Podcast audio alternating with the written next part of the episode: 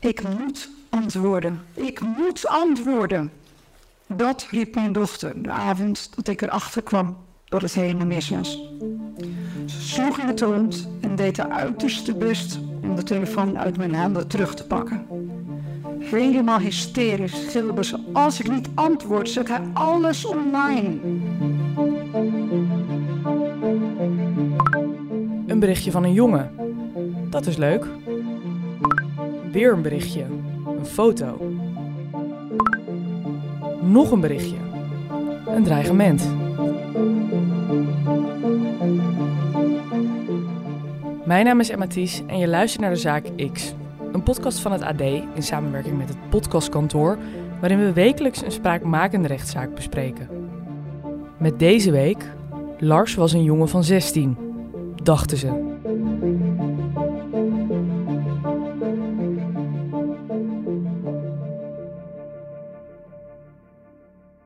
Was ergens een zomerdag in 2022. Ehm, ehm, er stonden ineens agenten voor de deur van het ouderlijk huis van Lars.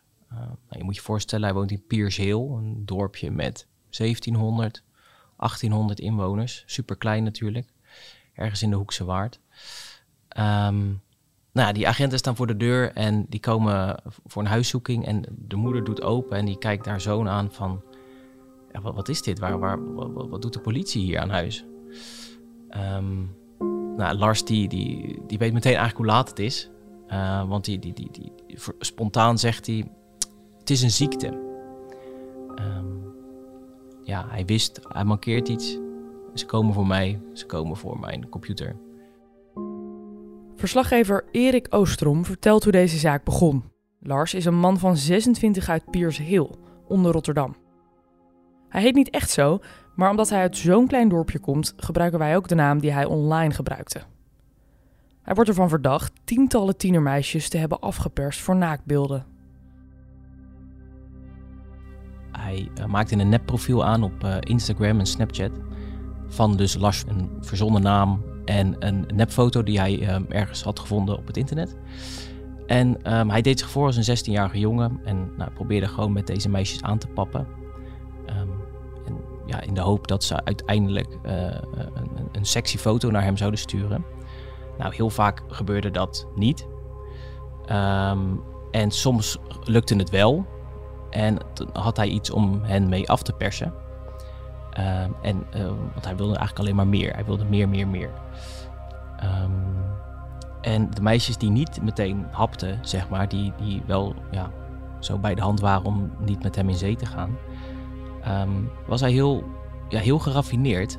Um, hij wist een site te vinden waar hij gewoon een normale foto uploadde van deze meisjes. Gewoon een foto die hij op Instagram ergens vond. En die site maakte er dan een sexy foto van. Um, een soort naakbeeld, of dat werd niet helemaal duidelijk. In elk geval een foto waar hij hun weer mee kon afpersen. Uh, en hij dreigde die foto naar de hele school te sturen, naar familie, naar vrienden.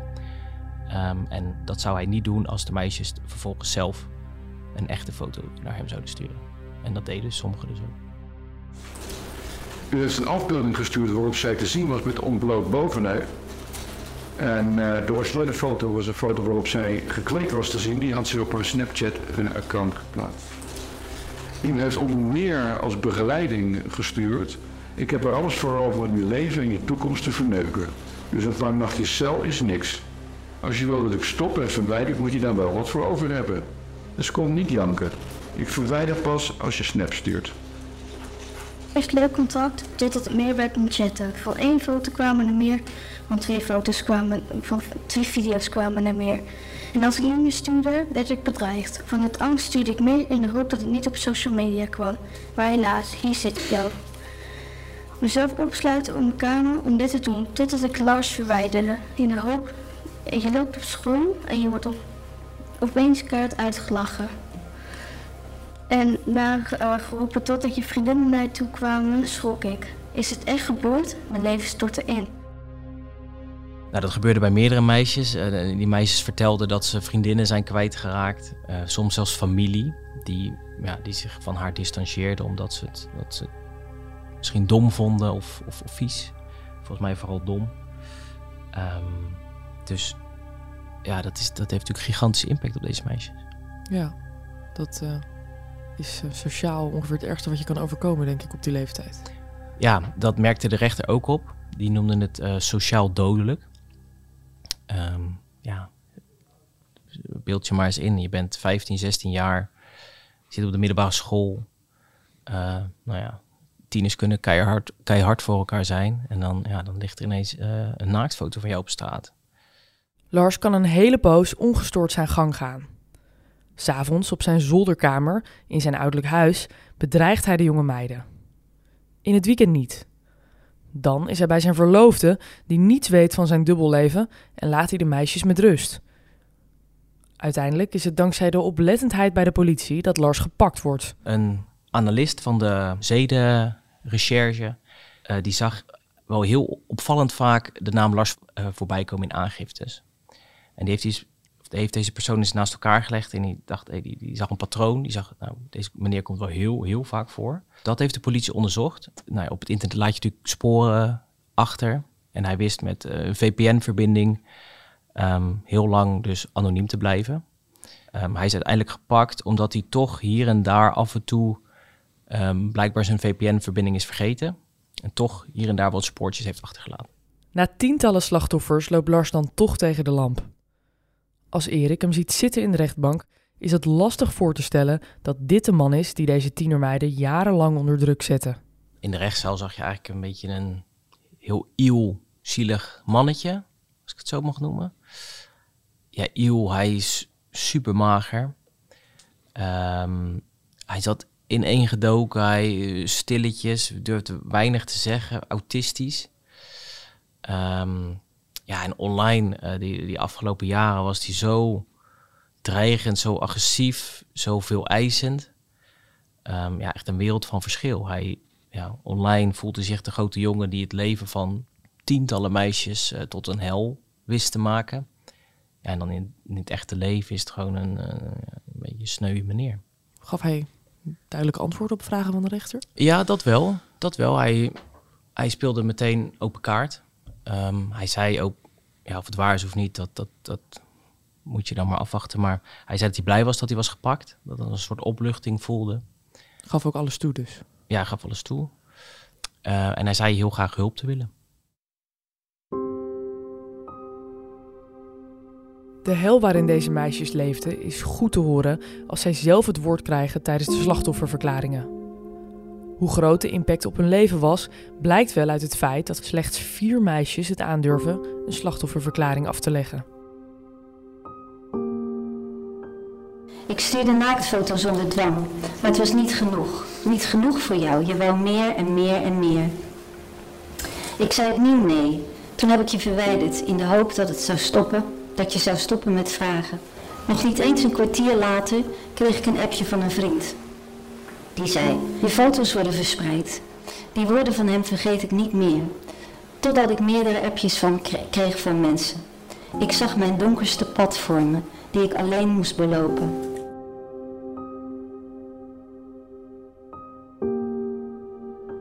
Toen jij mij aandacht gaf, vond ik dat leuk. Maar op een gegeven moment werd het minder leuk. En dat kwam omdat jij dingen vroeg die ik een beetje gek vond. Toen ik nee zei op die dingen, begon het echt te ver. Die mij echt te ver gingen, werd je dwingend en onaardig. Ik was zo bang en voelde me zo ontzettend dom. Ik had geen idee wat ik moest doen, behalve dat wat de dader me zei te doen. Ik was ervan overtuigd dat hij zijn dreigementen uit zou voeren als ik niet deed wat hij zei. Ik was toen net 15 jaar. Inmiddels ben ik bijna 19, maar ik ben nog steeds niet te ouder.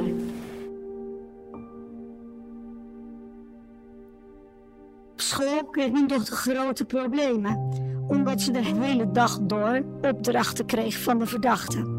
En dan thuis of op school naar de wc moest rennen om te doen wat hij haar beval te doen. Ook onze relatie kreeg het zwaar te verduren. Machteloze driftbuien die met fysiek ge geweld gepaard gingen, waren erg moeilijk. Ik heb heel wat klappen moeten opvangen. Toen oma haar liefdevol onverwachts aanraakte, brak ze haar vinger. Bij opa sloeg ze in reflex zijn bril in zijn neus tot bloedens toe.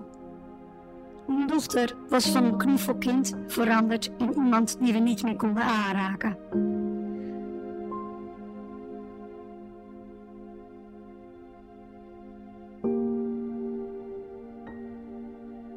Een van de slachtoffers, een meisje van nou, 18, 19, eh, die had een eh, PTSS-hond bij zich. Ehm, en een PTSS-hond, dat betekent dat zij eigenlijk de hond nodig heeft om zich veilig te voelen. Ehm, dus dat geeft al meteen aan hoe, hoe, gigantisch de impact op haar leven in elk geval is geweest. En als je de andere meisjes daarna aan het woord hoorde, dat, ja, dat, dat, dat was ook ontzettend naar om te horen. Ehm, dus die meisjes hebben er heel veel last van gehad, hebben nog steeds last. Bijna allemaal hebben ze ehm, professionele hulp ehm, gezocht. Ehm, maar ja, vooral dat meisje met het PTSS-hond, die bleef wel, eh, bleef wel hangen. De eis was uiteindelijk 48 maanden cel, waarvan 8 voorwaardelijk. Ehm, en wat wel opvallend is, ehm 9 van de 10 keer is de proeftijd twee jaar. Dus twee jaar nadat je weer vrijkomt, dan moet je je twee jaar lang gedragen. Anders komt die voorwaardelijke celstraf alsnog erbij. En dit keer is de proeftijd vijf jaar. Ehm, en er zitten nog allerlei voorwaarden in die eh, aan verbonden. Hij moet bijvoorbeeld zijn, eh, zijn harde schijven laten controleren. Ehm, moet zich laten behandelen. Ehm, en OM kiest voor vijf jaar, zodat ze hem extra lang in de gaten kunnen houden.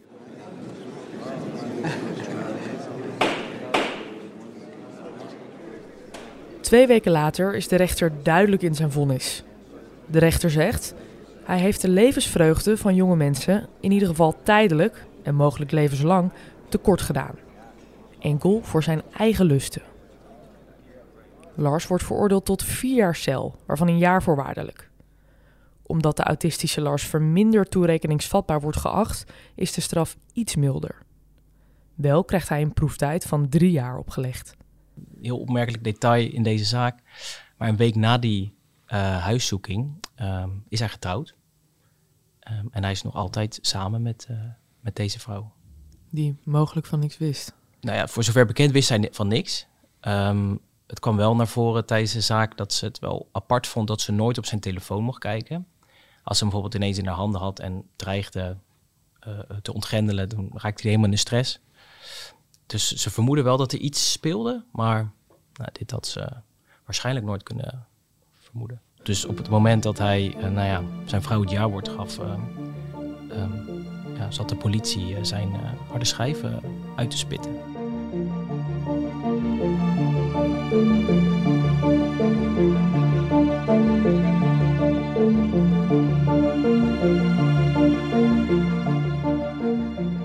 De Zaak X is een wekelijkse podcast van het AD en deze aflevering werd gepresenteerd door mij, Emma Ties. Aan deze podcast hebben meegewerkt David Achter de Molen van het podcastkantoor, Rick Bolt en Joost de Kleuver. Sinds kort hebben we ook een Instagram-pagina, De Zaak X. En meer artikelen over deze zaak vind je op ad.nl slash dezaakx. Vond je dit een goed verhaal? Laat dan vooral even een review achter, zodat we beter vindbaar worden voor nieuwe luisteraars. En wil je ook de volgende aflevering niet missen? Abonneer je dan op dit kanaal.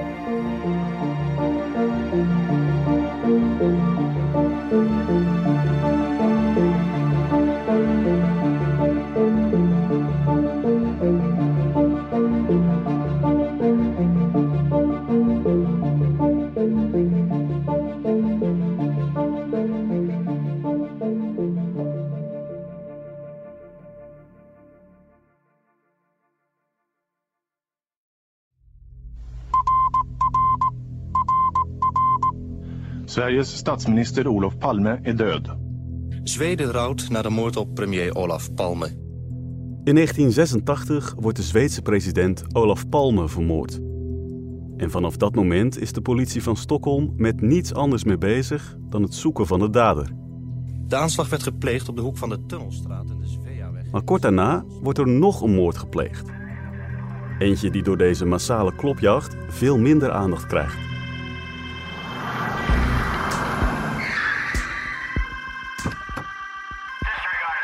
Het is een moord in huiselijke kring, ergens in een buitenwijk van Stockholm. Het slachtoffer is een 30-jarige vrouw. De dader, haar stiefzoon Samir Sabri. En vrijwel gelijk als de politie ter plaatse is, bekent hij haar vermoord te hebben. Maar kort daarna komt Samir terug op zijn bekentenis. Hij is onschuldig, zo zegt hij. Klopt het wat Samir beweert? Is hij echt onschuldig? En als hij de moord niet pleegde, wie dan wel? Je hoort het in De Stiefmoedermoord,